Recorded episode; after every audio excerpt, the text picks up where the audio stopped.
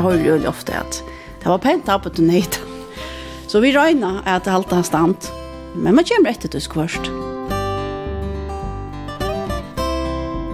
Tamkjettan, det er største drepare av hjørnet. Det er en stikt, altså. Det er ikke svangt.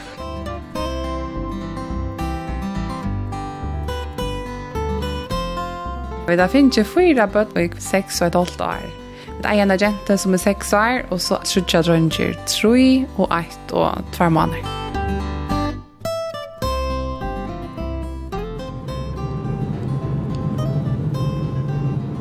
Gåan det, så er nødgjørturer av skrånne, Og som en navn er og Møyra Kjoltsom og, og i Øyrafallandi enn ånder, og kanskje særlig er det til bøylingar som har stått og ørvelse navn, og ikke var noen nekket hos om.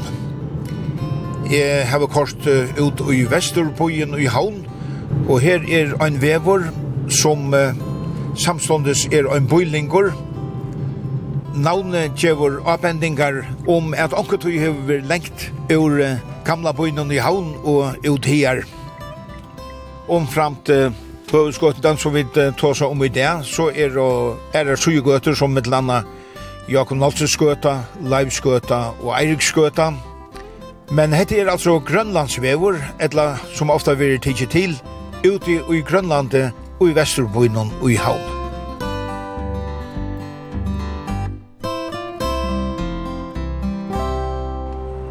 Her nyast vid Grønlandsvegen, og man er mot Jons Petrunar gøtta, er gamla snikkararbekkjer i Grønlandet, man kan säga för vart ta nästan uymynden av Grönlandet för många folk. Men det är inte här Moira och det är det Järfonje som är här. Så det är helt annan ändamål. Hej hej. Är några folk in här? Några, ja. Så det var ju en gång det att lukka som virkene fer langer ut og er det fyrtøkker i uttakene. Hetta ser stottligt ut dette. Hei. Nils Christian Holtz, du er stjåri her og jeg fann og vi så ikke her i her, som man sier, av gamla snikkervisjonen, er, er dette som gulvene? Det er faktisk som gulvene, ja. Det er snikkervisjonen ble til en reklamevisjonen, så varvet man gulvene, og vi damer som vel skulden. Så en gammalt snikkervisjonen, Rikard til tikkara bruk, kjølger fannsjonen. Ja, bestemt, ja. Altså bygningen er, er velegnar til, til okkar virksomheter faktisk. De bruker alle bygningen? Ja, vi brukar bygningen til den her hette rommet, og så hette, det er tvei hus, tvei større, større hus, og så er den tjattla i sjant, ja. Og hette her sida vi, og hette har vi til alt mulig virksomhet, og så brukar vi tjattla til grøtsamling og analyserom og så forskjellig. Og her er nekv imenske rom, men det er bort opp vi, vi glese, som man sier. Det, ja, nettopp, som man sier. Det er for jeg var vøyta. Ja, vi tar jo sprøtt nekv på det. Hette er nekv som, som tar reklamvirke som er her framme undan gjørte, så vi brukar bare det samme innretningsta. Så terikar vel at uh, Jarfanski er i gamla snekkarvisjen ute i Grønland? Det er alltid etter en, en kan man säga, en god mat i att, att bruka till huset på. Det är skärmar vi går om byggningen som du inte fattar något og alle har noe å gjøre. Rydde dette å gjøre, ja. Ja, men uh, gå en arbeidsro. Takk for det, Tørre. Hette er Grønlandsvevor 24.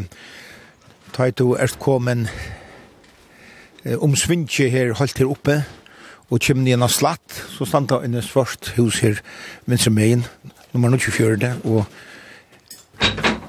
og så kje at Husbanden er her inne i kjallaren nå. Morris, hey, Mor Johansen, yeah. hva råkast du vi? Jo, jeg er alle for å boka med en knatur av fisk. Jeg har en sånn heimagjørte bordsmaskiner. Hette er en, en, en, en gommel uh, torskepress eller så, til klæger som de brukte før. Og som du vil rikket der til? Ja, og hette er, er, er en sånn blæfjøver her. Ja Og så tar bare tre valsene rera. Så kan man spenne etter akkurat som man vil, vel og virlige. Her, her, her må være en tusen skruer og i det her åkner vi. Som kjører bodkjennkjene fullkomna. Ja, nemlig, ja. Og så kan man spenne det som man vil, men jeg, jeg pleier å skjere høysefløk og torske til, og så boke. Men hun er så mye gående av maskinen. Jeg kan godt boka sånne, du sørst det er sånne små høyser. En tog høyser her. Eilig han har bare kjøkken heila som hun er. Släpp ifrån att bruka sledgehammar. Har du några fler i jökna?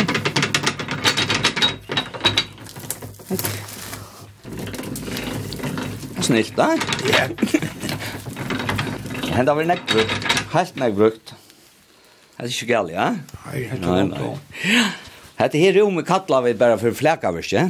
Og du sa, her er alt møvelt inne flettinga bor, og så er vi kraftfor, jeg som standa til seien, og Jeg har så bort maskina og... Du sier her ute? Nei, jeg har en trø oppi i, i Marsnagill. Bant om av her glæser eller ned fra her. Ja. Ja, ja. Men eh, Moritz, du har bo her ute i Grønlandet med en parten av Løvnum. Ja, ja. Jeg har en ordentlig mamma rumpa. Jeg har bo her alt mitt liv, så å si, ja. Mamma la ikke ung og, og, og var ensam ødelig mer. Ja og gifte så på på i fyrutrush, da kom vi nian her og etter her grunnstykje her. Vi kunne lukka vise der her. Jeg var fyra år gammal da. Ta stod badna hjemme her, du sars her.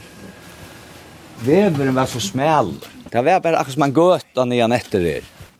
Det passar ju ganska uh, det där. Roprei ju kör Andreas Kökbonne. Det här kom så småtjas ner en jökn och och jag och kanske onkel lastbilar som vi har tagit stötten men onkel Bedford framme i Tom kom husen tja Mitchell i Grønlandet. Ja, nämligen. Här var det stora hettler Kvar sin er sjö här. Ta var inte gangbreit om man vi hesar i linje om man etter.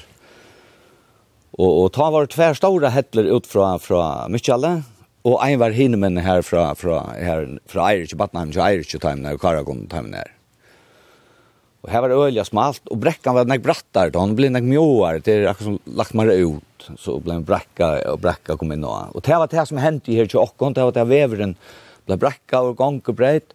Så här som en stejre ner. Här var, här var trappan inne i Batnaheim. Och Batnaheim stod så här.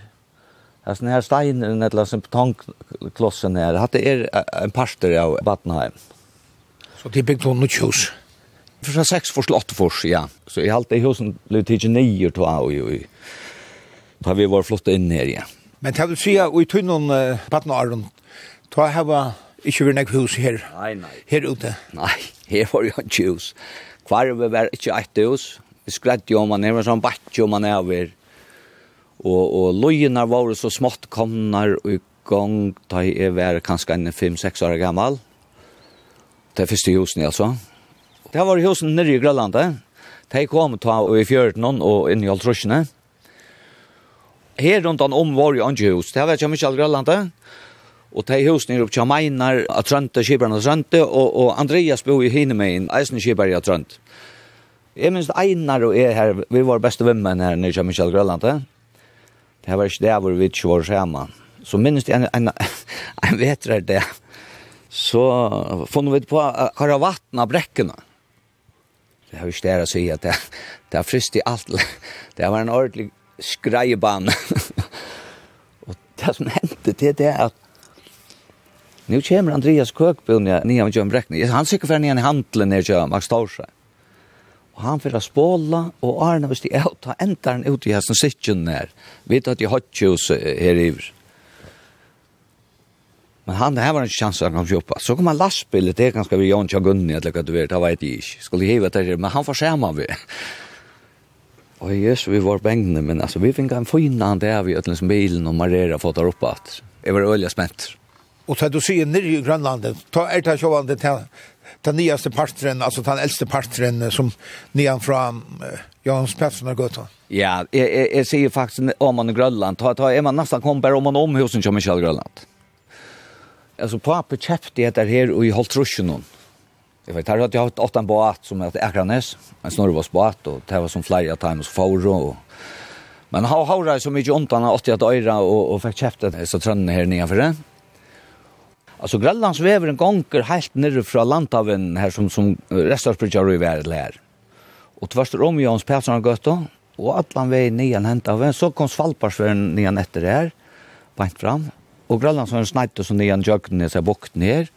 Og allan vegen vester etter og nian helt nian i geilna. Geilene var her og man fyrir her til Max Torsheim til er her oppe og til Edmund av nian middelen og gikk nian av Marsnarsvei. Det er mer sagt enn at, at, at, at Grønlandsveien skulle være langsta postrot i havn. Det var så løst å altså. Det var nekver handlar. Ein var Jørgen og Jagnolskøtta. Ein var her Petersen Pettersson gøtta Grønlandsveier så sjølvande tja Jans Andreasen, eller tja Arna. Så var Sigurd Danielsen en av tøyer. Og så var Kjørsten tja Osmond det vi av. Og Kjørsten tja Daniel, her oppe som, som Eion og Jagan Jespersen er i jord. Falpinsjonen, ja. Og så her om han, for jeg hever Max Torsheim. Han er i handelen av tog. Og så var uh, en kiosk langer nyrja av Østlandsvennen, og så var koven i Landavennen, og en kiosk langer ut i Landavennen. Det var bakaroi akta var reisen ikke å glemme. Og akkumulator virkje. Og her var rensa roi, bæg i Agnolskøt og nere av Grønlandsvennen helt der nere vi vi brydde røy. Batna Hantel, var jo en spelsrann. Det var kanskje mest berlet her oppe, altså. Vi blev innskriva i kommunskolan i havn. Vendingarskolen var ikke kommet da. Og som tja, altså Paula Kvannason til universitetet kom her, det ble så her, han kvite skolen i middelen av Spetran og Gøtt og Landaveg. Han lyttelig her, han er kvite skole tå, han fikk så gode skole seiten. Han brune skolen, eller elementskolen, han kom eisen i at han. Jeg minns vel da vendingarskolen kom. Vendingarskolen ble, ble, ble vukter, og Vestervann kom og havna samme det. Papi er ikke med vei, Og ta i, ta i alt dette i steg vi var kom land etter og finnes kjøtt av at nok godt og bare vestvånd. Det kostar forresten 12 millioner kvar skolen og, og vestvånd alltid, og sjort. Ta leter pappa at jeg er godt vite hver for å få meira på sjur, samfunnslig. jeg vet ikke hvor dårlig råkna det det ut. Det kan sikkert råkna som på flere måter. Ja, det kan råkna. Prosenten er, er takknemlig, ja. Ja.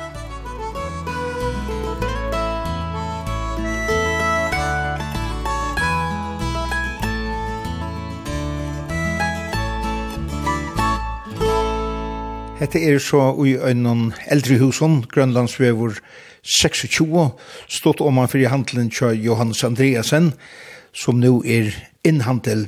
Og Katrin Jespersen, god spør til at tid byggva i hesson eldre husen?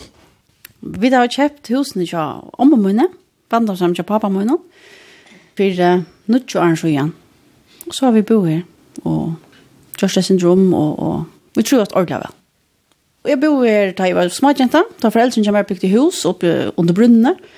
Da bor vi i på kjattlerne med en omman og appen på oppgjø. Så flyttet vi ned her da jeg var gått nødt år. Så da jeg bor med første år her, og så da jeg og Maren kom ned fra til Høyde Lise, da fikk vi ikke bygd i havn, så da bor vi eisen her. Og omman bor ta oppgjø, en samøtl. Og så ble vi fyra, da vi fikk det andre vattnet med å bo, så ble det for lite. Så får vi til å bo i en leie, men kom så atter i 2014. Og vi dacht lukk ikke flere datter. Og jeg har alltid i familien er glad om at husene blir i familien. Vi er fem siste bøten, og, og det var bare vi som hadde av i husene. Vi tok chansen. Og bare Mikkelsen, to er til oppvaksen og kjente langer oppe i gøtene. Hvordan er det at begge her nede? Ja, jeg er oppvaksen av Mikkelsø, som er den trøyen til å lenke på munnen. Og her bor nekv av min familie bo og, og så med trø. Her er det godt å være.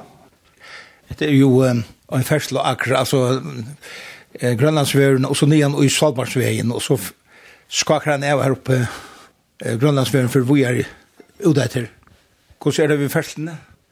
Her er rymelig godt ved ferslene. Her er... Uh, vi mest av ferslene og måten han er til i folkfærlig arbeids, så sinter året klokken åtta, og jeg sinter det samme at det tar i folk var fri om fyra tøyna her og der. Annars er det rattelig stilt.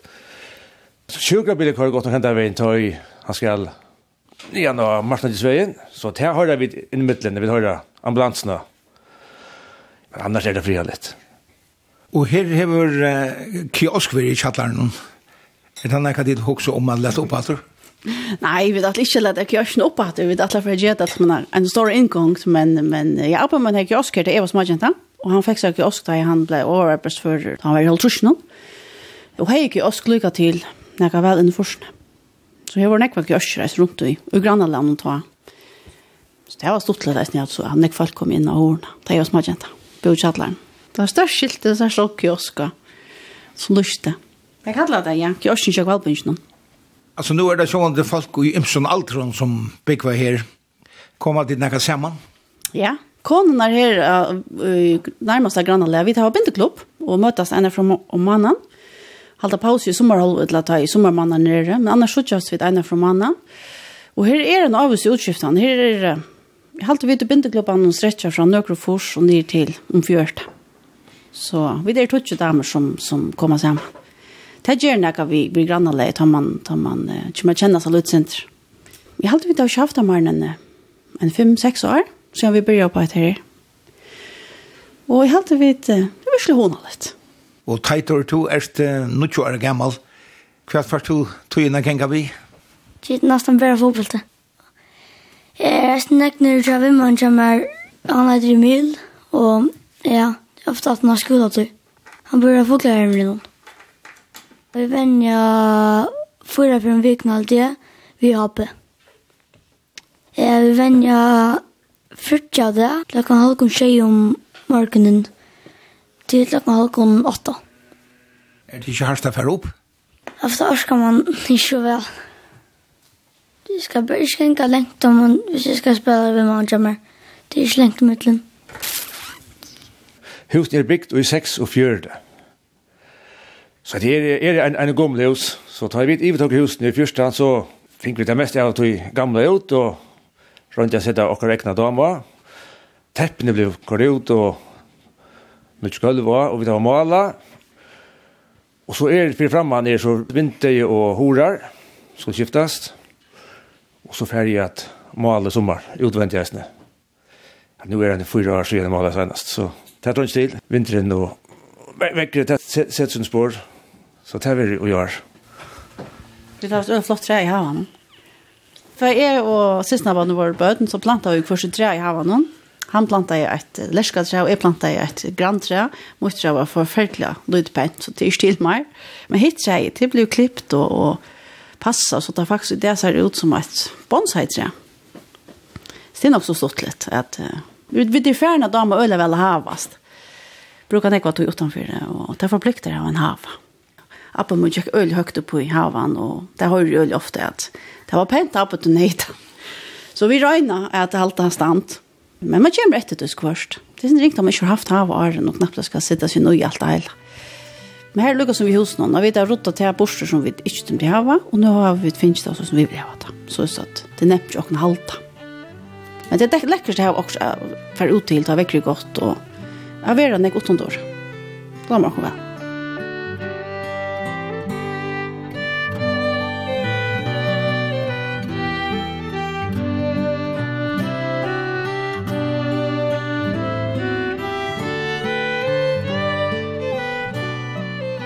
Hette er Grønlandsvever nummer 9 og 30.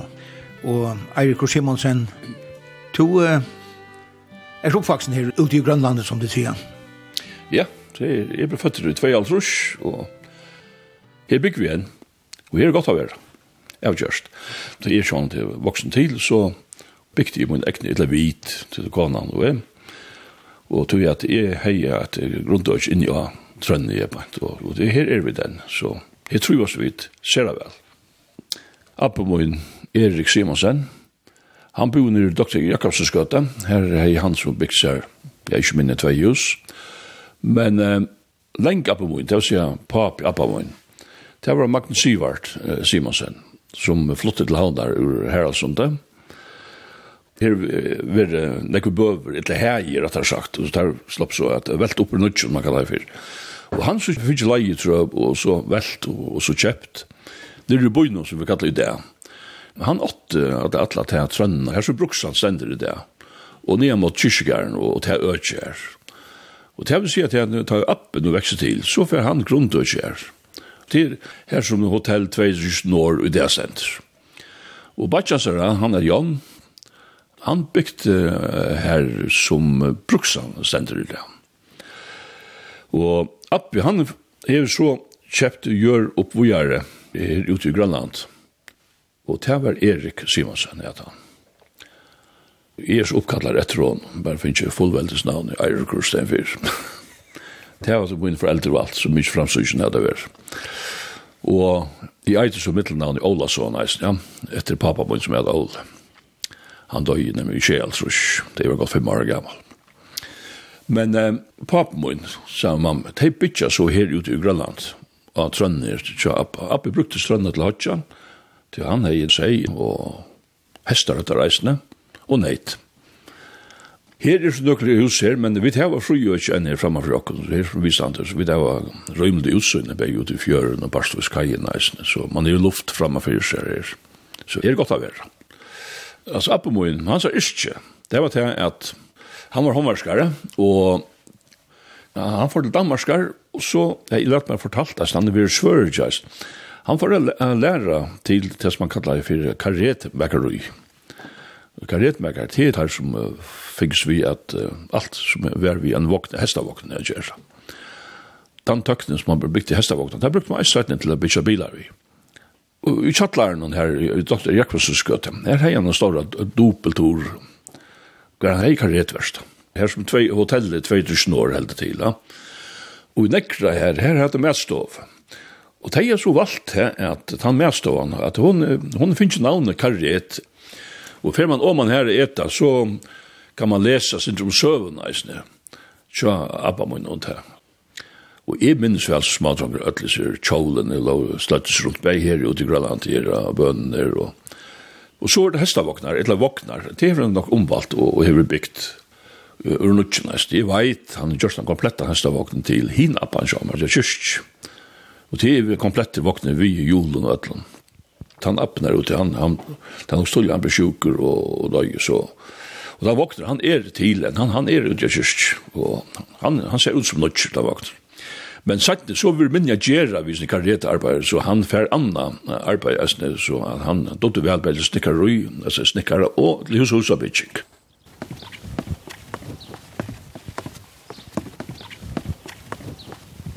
Ja, her vekser vel, så det er så ikke. Er Jo, jo, her er løyvesvelder, her, her, så... Ja, det er ikke ui så så lagen, ja, men det tog jeg ens verden er så grønne la, det er husker, det er det her lagen og... Vi har vi i mister, kruttar roster til, til så mest til eta, det kan være i munnen. Båtar roster her, smakkar vi alltid alt, supper og, og, og ratter. Så hei høner for, høster du, så sentrum i igjen, men atar fyrir, så under underrepa, ikke? Å ja, så tid øye alt det her? Ja, det er, det er grunnspakna par 500 kvadratmeter. Ja. Og det er i bytjebygg, men du sier, det er bare runnar og trøkomne i stedet fyrt. Det er frysteg i tjokken, det her. Det er det vi da glede av oss, og særlig konan, hon, henne damer vel på plaster. Det er det fine arbeid, lutsig, så det er ikke akkurat det, men jeg kan være vi hjelp på takk, det er grovere arbeid, så. Det som mer skal ikke sjå der, for det synes jeg sett beina veien. Men hon pilkast nekve, det brukar nekva tog Det er ikke låt. Og huklaner, så er det er bringer jeg av, han gikk råpar at han at han gikk bedre enn her. Jeg har tids nekker går, jeg la fitta mynter av han. Han stendte pinna stille fra han for linsen, at jeg tids mynter av. Og så, kvarskveitja. Det er lukka ein ampi her vi gjør litt, jeg er her for nekka kjøtt. Jeg tenker spafokl, jeg finner for nekka deia spafoklar. Tog jeg vers. Vil katter? Nei, jeg halte ikke til til ham kjøtt, som folk kan. Det er gengt jeg for utekvalgt, jeg gengt nattna, og tull i morgenen, og Det er det. Jeg finner nekk for deg foklarer, man som er reik. Jeg synes ikke en kjett til gengs baserer. Jo, jo, men det er altså tamkjettan, det er største drepar av hjørnet. Det er illisjon. Det er en stikt, altså. Det er ikke svang. Det er for kittkatter hjemme. Så det er ikke tog. Det er jaga. Men det skal alltid være lykka. Det kan ikke nekka folk hoksa om. Nei, slett. Nei, nei, det er ikke. Det er moner, altså hundar. Det er diskriminasjoner mitt. Her er bonder og alt det. Og det er sånn at man ganger, det er slag græs, så er ølen er kjettelåst. Og det er ikke til å få i slagma generelt. Men hunder, det er sørst ikke langt. Det er alt bunte og en enda dår. Det er kommet kontroller. Det mangler bare å binda kjettene. det er ganger fruer. Det er 80 år i kjørst helt nå. Ja, det er man jeg har kjørst. Det er sørst i ærestand. Det er ikke tur i kjettene. Jeg er i først utlandet. Det er ikke avvandlet så ikke folk er ikke tur i kjettene. Det var så sjela om ombrinkene. Hun tog ikke, hun lærer ikke. Det er finnet der det.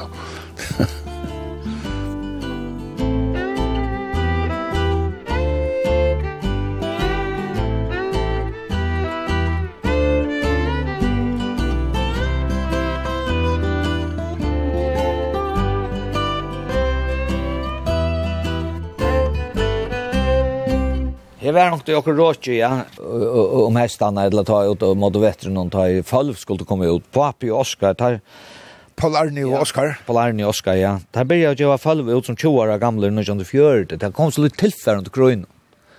Og bare var prentarer. Og slopp så har lånas prentsminner i utja Arnold Øster av prent. Hvert har så sett det til blei for sjølvan ta et her et frøy. Og så skulle det pakkast og, og køres ut og Jeg minns vel vi gikk rundt og horar og få folk å tekna til dette følv. Jeg halte det kostet 5 kroner alt. Og hver jeg fyr, det var Jeg følger var, var uh, leiot og klart til prentikar. da kom papi alltid vi røst og rivon, eller bra seg riv i ånden, ja. Det var fast. Så det var nok stått litt. Maurus Mor Johansen, ta mer lytte tilfære av førskån. Det var alt og lytte tilfærre, ja. Ringte få papyrreisene. Papyr var men, men kan vana litt, og så. Jo, jo, det har vært baksar, det man sier, 20 år gamle og for en halvt ut det, ja. Det var flott blæ forresten, altså, det var en snakk om. Så la en tott og gjerne en jo i et sanker. Jeg mener den første sankeren var, som la i følgen og gjerne fjørte. Det var Kristina fri hanta nå, hans Andreas, gjorde og alt i Ørstja. Og størskvallet kilten var også nye her? Ja, her var nekker, mittel annet størskvallet kilten, luttlesnær, det var så den senaste sankeren som, som Maurus gjorde, og mamma sankan beinleis i utvartene ja. Den gamla versjonen. Det var krokket et eller annet i min kjatt. Det var en ekversjoner. Ja. Knarva kåte og Jorren i halvtiden ja. han. Hea Jorren, måtte han være i herres? Nei, halvtid det, ja. Det gjorde Oskar en samme dag. Og sa ja, ja, ja. Jeg har silt av alls det kan jo. Her nere vi, vi handlen her nere, Jørgens Andreasen. Her var en sånn boks, en sånn. Det stod auto, det er akkurat beinlei samband om man i auto. Så kom han trusht og, og be en bil kom ut i Grønland. ja, ja. Det var øyelig snilt, altså. Det var, som man sier, stått at han hadde sendt seg raketten opp av måneden. Ta var ikke telefonen kvar huset i eldre? Nei, ta var ikke telefonen kvar huset. Jeg minns vel at jeg kom her og landa telefonen og ringte og sette en bil, etter hva det skulle være. Her er smitt blei jeg kom her eisne, og han kom eisne ikke om til Katrini, og det venka igjen på, og hei henne kron, jo, kan jeg rinja meg til en taxabil? ja, ja, det var hovalet. Det er en snakk om. Her nere, vi så ikke, nå var flott sin der.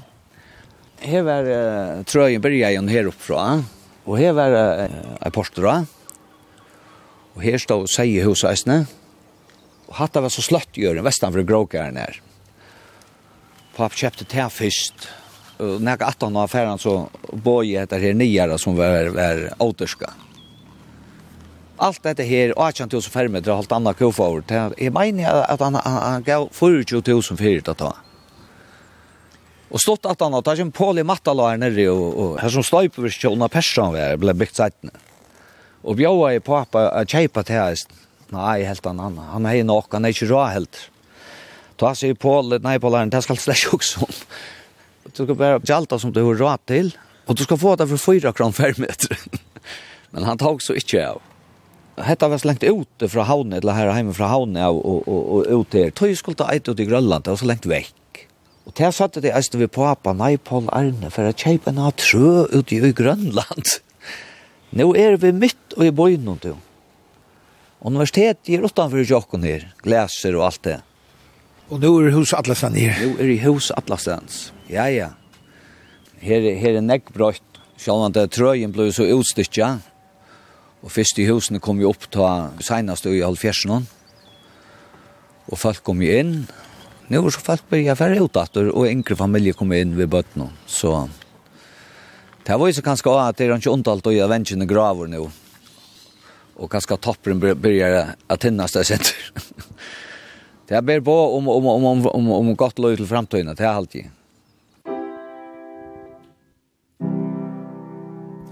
Morris Mor Johansen, nu er vi den i stående, så det kom, og dette er ikke åttekvart klaver som to klemprar av her. Nei, nei, dette klaver er et søvel klaver, og hever helst helt bein i gang den menn kom. Hette gamla klaveret som Andreas Restorff kjøpte i heim og ble brukt til goggedans ved Jøkken Nekvar. Så her var Nekvar svingommar i verden. Her henger noen gamla mynter i gongen her nere i musikkskolan. Her ser man klaveret og, og, og mannen i goggene, ja. Så her er, her er vi nekvar, ja. Rikmor Restorff, Siksteisen spalt på at og Gå til till til Andrew Stone, så till kon. Ja, det var så at att Andreas leta, lätta till ett laselta til bra broren jag så chick var som tromslåare. Og så så jeg det var til søl, og jeg har alltid ängst med åtta klavier. Jag då i övrigt jag spille på det. Men jeg enkelt er ganske at det det er är kanske förstått att bottnet det finnes fätter ut, men det ble så ikke. Og så sa jeg at klaver var til søl, og jeg fikk vite hva det var for klaver, og jeg ringte så til deg, Restorf, MC, etterkommeren til Taimon. Men de hadde jo alt av og Jeg kunne ikke lade være at jeg, jeg kjøpte bare som en altså, klinot. ja. Nostalgi, ja. Havna nostalgi. Havna nostalgi, ja. Det må man si, stas. Jeg har nekve bygda, men eisen tralla til det, så det... og, og nå kanskje onker glede kom på skjort i onker av badnabøtten i ferne at, at, at tralla sin repata, så... Og og og ofte är det sått lite att att ankra av infallt någon tja tja akkurat har bort då vel å spille och komme in och det sätter allt löv i så klaver. Det är som er helt orkester.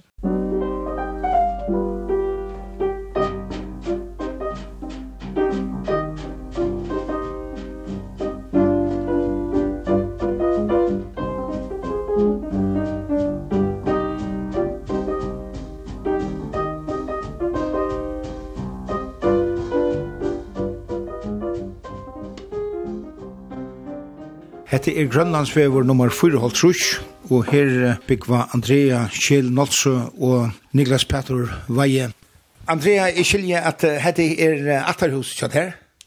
Ja, hette er husen kjatt omme mine, Kristianne Kjell Nolsø, Abba Møynon, Andreas Nolsø.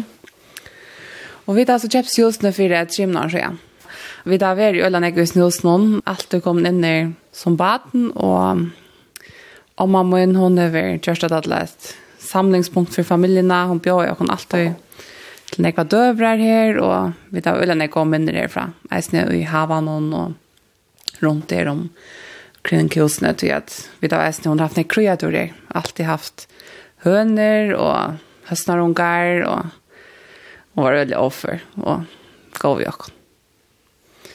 Husen her har varit en sal och det var äsne till att at det vill så gärna eie det. Och Niklas Petter, du vart samtidig vi Andrea. Ja, ja. Vi tar som sagt boer i tre år, og vi står trivast, og bøttene trivast eisene, for det er små bøttene. Så jeg kjente Kristianne, og tar hun være kanskje en av fem så er så. Hon har alltid råka snäck vi ut i havanon og kjørst det som hon vare, sett epler nyer.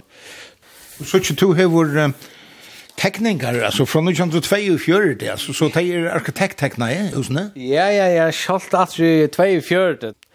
Altså, det er opprunnelig en hus til Robert Paulsen som jeg finnes fortalt, som Abbi Andrea har kjøpt.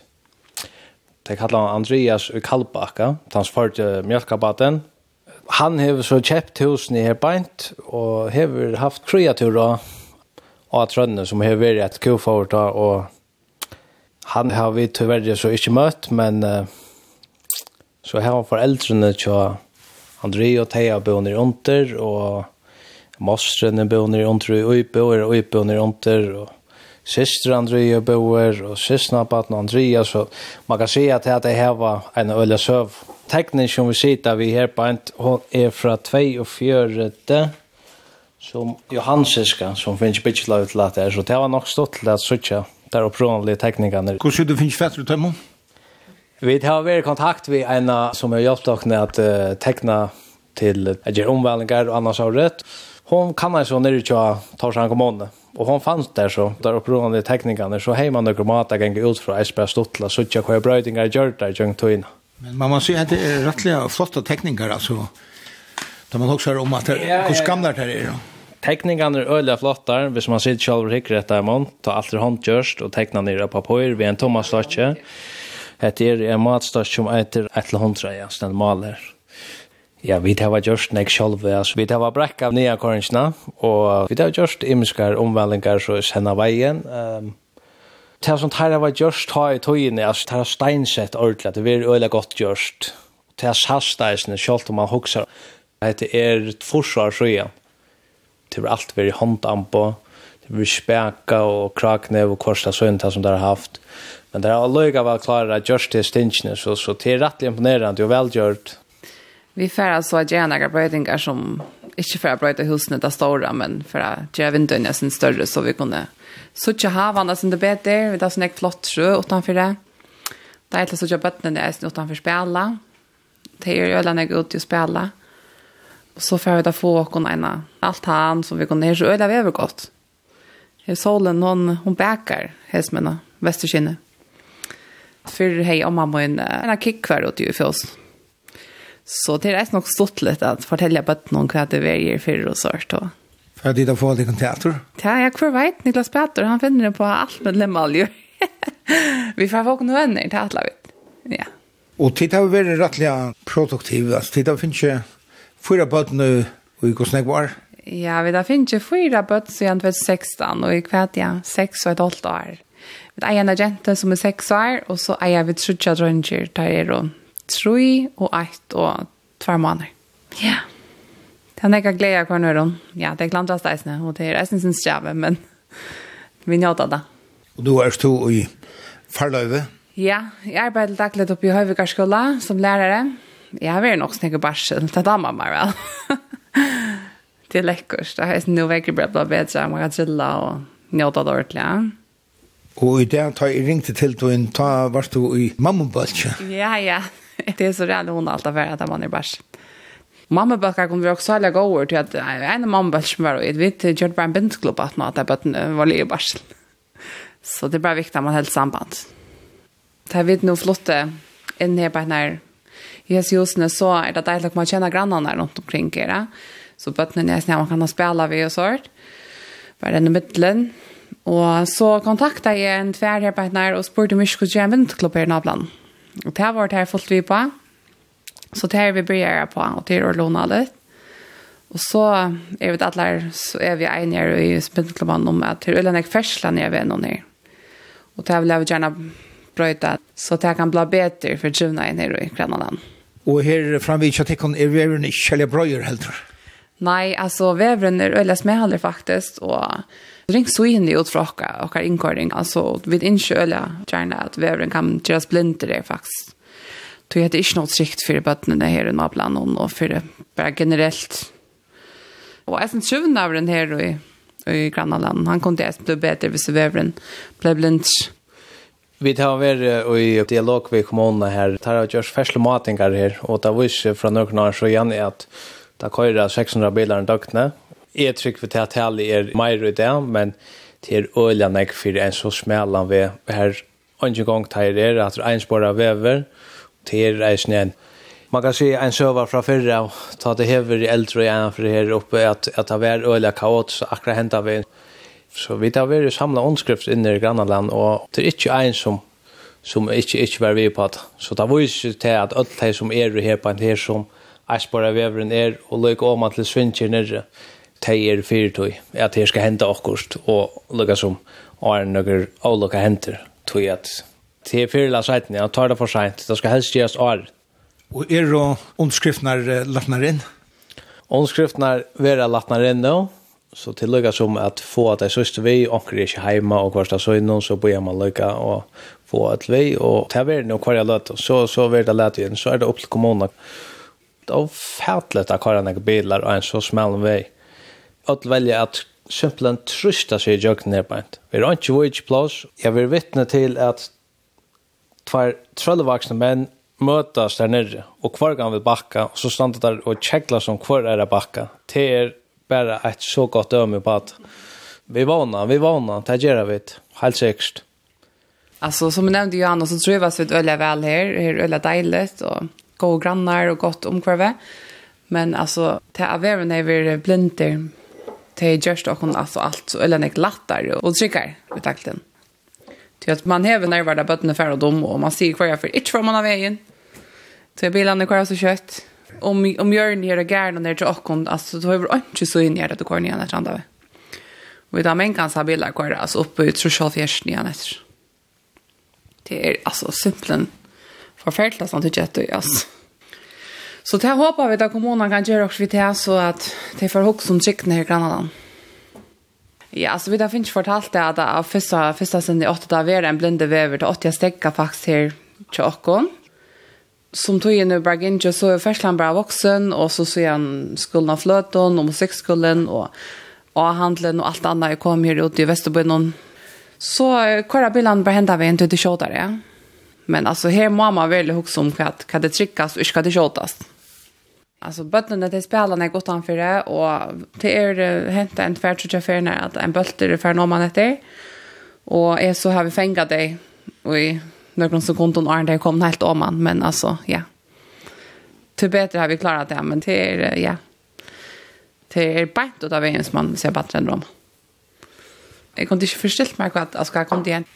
Det är inte som det är stöjt undan det här. Alltså det är inte så inne känner bil jag så äldre där bara kan komma undan. Och ta nyttar helst att gärna vägen till en envis vet och att ta vi upp att det värre för det. För tryckna om vävren var envis. Jag så för farsen upp.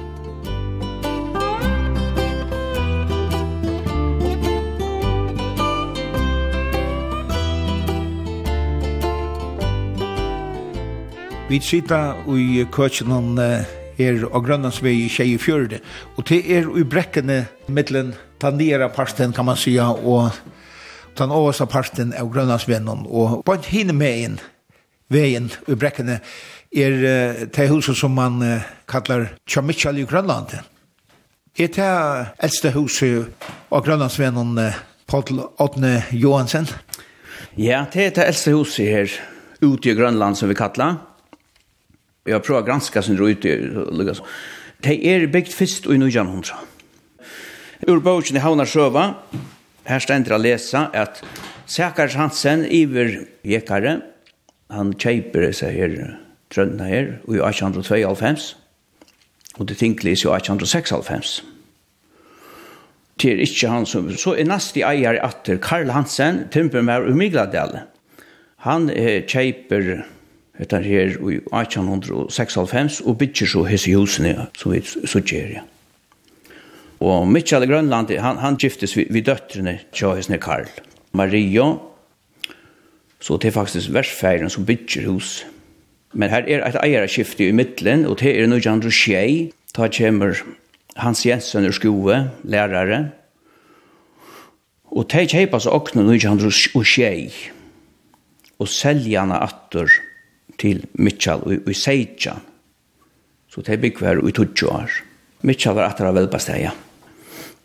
Og så er det kvitt av kattel ut i Grønland og sånn. og det er vel liksom jeg sendte til, det er lykka som folk heim i havn som som sier at det, det er så lengt ut her, og jeg snir Karl, det er røpte han eisen Karl i Heian, versfæren av Mitchell i Grønland. Og så ble boiligeren lukket som, eller havna folk søtt ut i Grønland, til det var så lengt bort. Mm Ja, og det er jo alltid varit gång og så til, og, og, og pura ensam alt her. Du har ikke hus for utenfor her helt da? Nei, ikke utenfor her, här, utan till husen som vi som vi vet om, de er nere ved landaveien, og, og det er ja, to som tar for, med den andre Inga Simonsen greit det därfra. Hus jag Peter Mattala og, og ner etter landaveien her, ja ta i Mitchell och de kommer här ut i Grönland, alltså under John Seichan, ta ett han äldsta dottern född, hon är född av Elbasta, Lillanja, och hon är född i Seichan, och så kommer bötterna till Mitchell och konen Maria, Katrine är född i Nujjan, Karl Hanni i 21, Suimen er 1925, og hans Marius er yngstur, han er født i 1928. Ja, Mitchell hever lykka som velt trønna og, og gjørsta til etter hans behov, som han sier, ja. De hadde kikv, og, og jeg har spurt meg sinte fire, men de har ikke haft seg, altså de seneste i åren. Men kikk var kjattlaren, jeg kan godt minnes det, ja. ja. Og annars var mykje lykka som, det som jeg har ikke fortalt, så var han uh, gråt med oss. Han var mittel anna vi at um, gjøre Vestarakai under bakalav og det, og Hafnia-bygningen, og bygningen her, så er som under Bridgeback som utvart var for, tan rettjan her og han arbeidde tja, tja entreprenøren Peter Mikkelsen. Jeg minnes han som gamla mann her, og han er så, så deir i nøytrand rundt og ja. Og kona sær i deg i trusk. Ja, ja, som smadranger her og, og i granna landet, så, så var her var alt spennende å komme og kjattlaren, og Simon Sonne Mitchell, han, han bor her i, i husen som man sier, Asfalt Loiv, Batnaheime, og Outgifter og Gammal Dronker. Og, og så men er, vi var vel, altså, som man sier. Ikke vi, men det står alt forskjeller. Vi kommer rettelig vel, og det er vi. Ja, ja, vi tar ødel og sånn, og her var hun alt å komme, absolutt, ja. Det er faktisk uh, seks eiere som, som jeg har haft hus i, ja, ødel og har bo her, ja.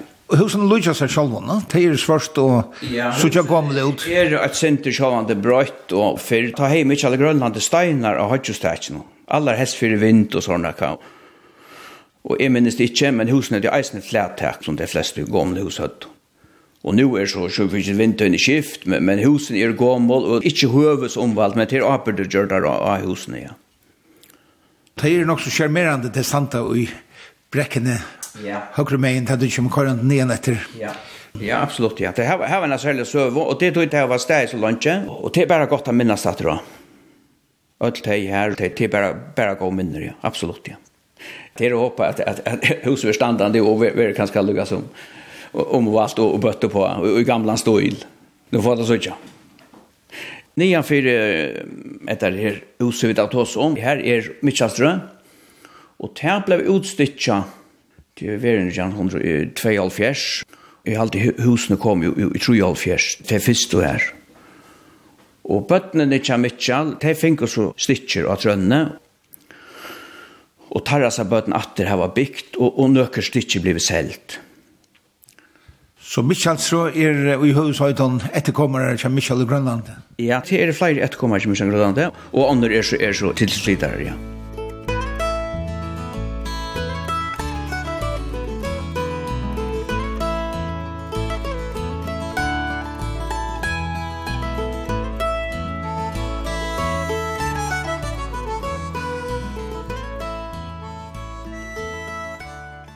Tora Eilstøtter, du er til oppvaksen i Høyvåg, og to komst ut i Vesterbojen, ut av Grønlandsveien, og her er du bo uh, i Noksen var nå.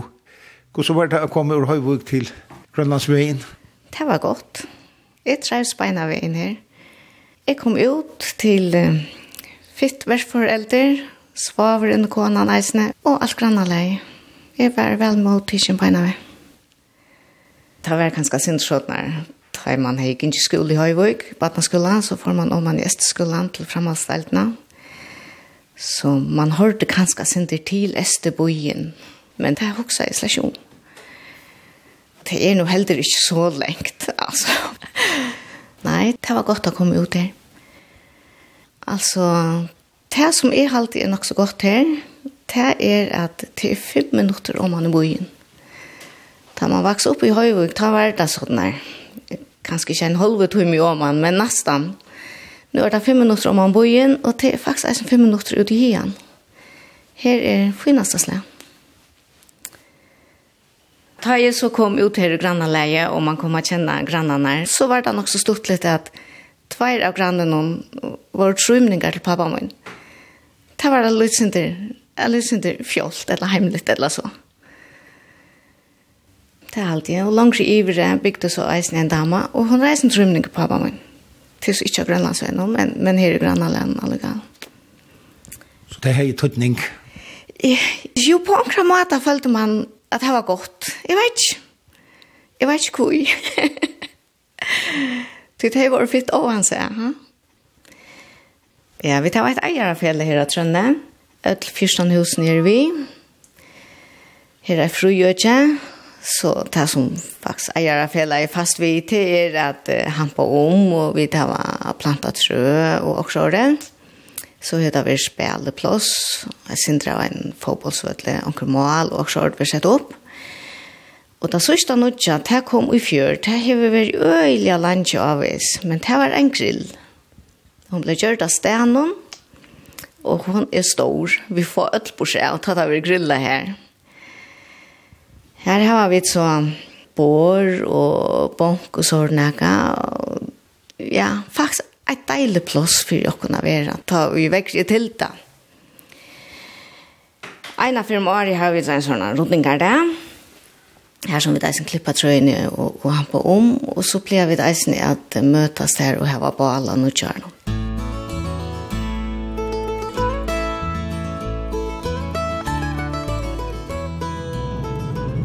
Hetta vær så ute i Grønlandi og i Havn. Og turen er så atter at høyra i utvartnum torsdag klokkan 11 og leierdag klokkan 4. Og det blir òsne til at lusta og heimasøyne kringvart noen skriva kvf.fo framskak tt. Turen er òsne som potter. Vi tåre og tåre hever sujo av Facebook. Du er velkommen at dame henne så sørst du mittel anna mynter og videobrot fra turunon. Takk fyrir i dag. Vi høyrast attor om øyna vikon.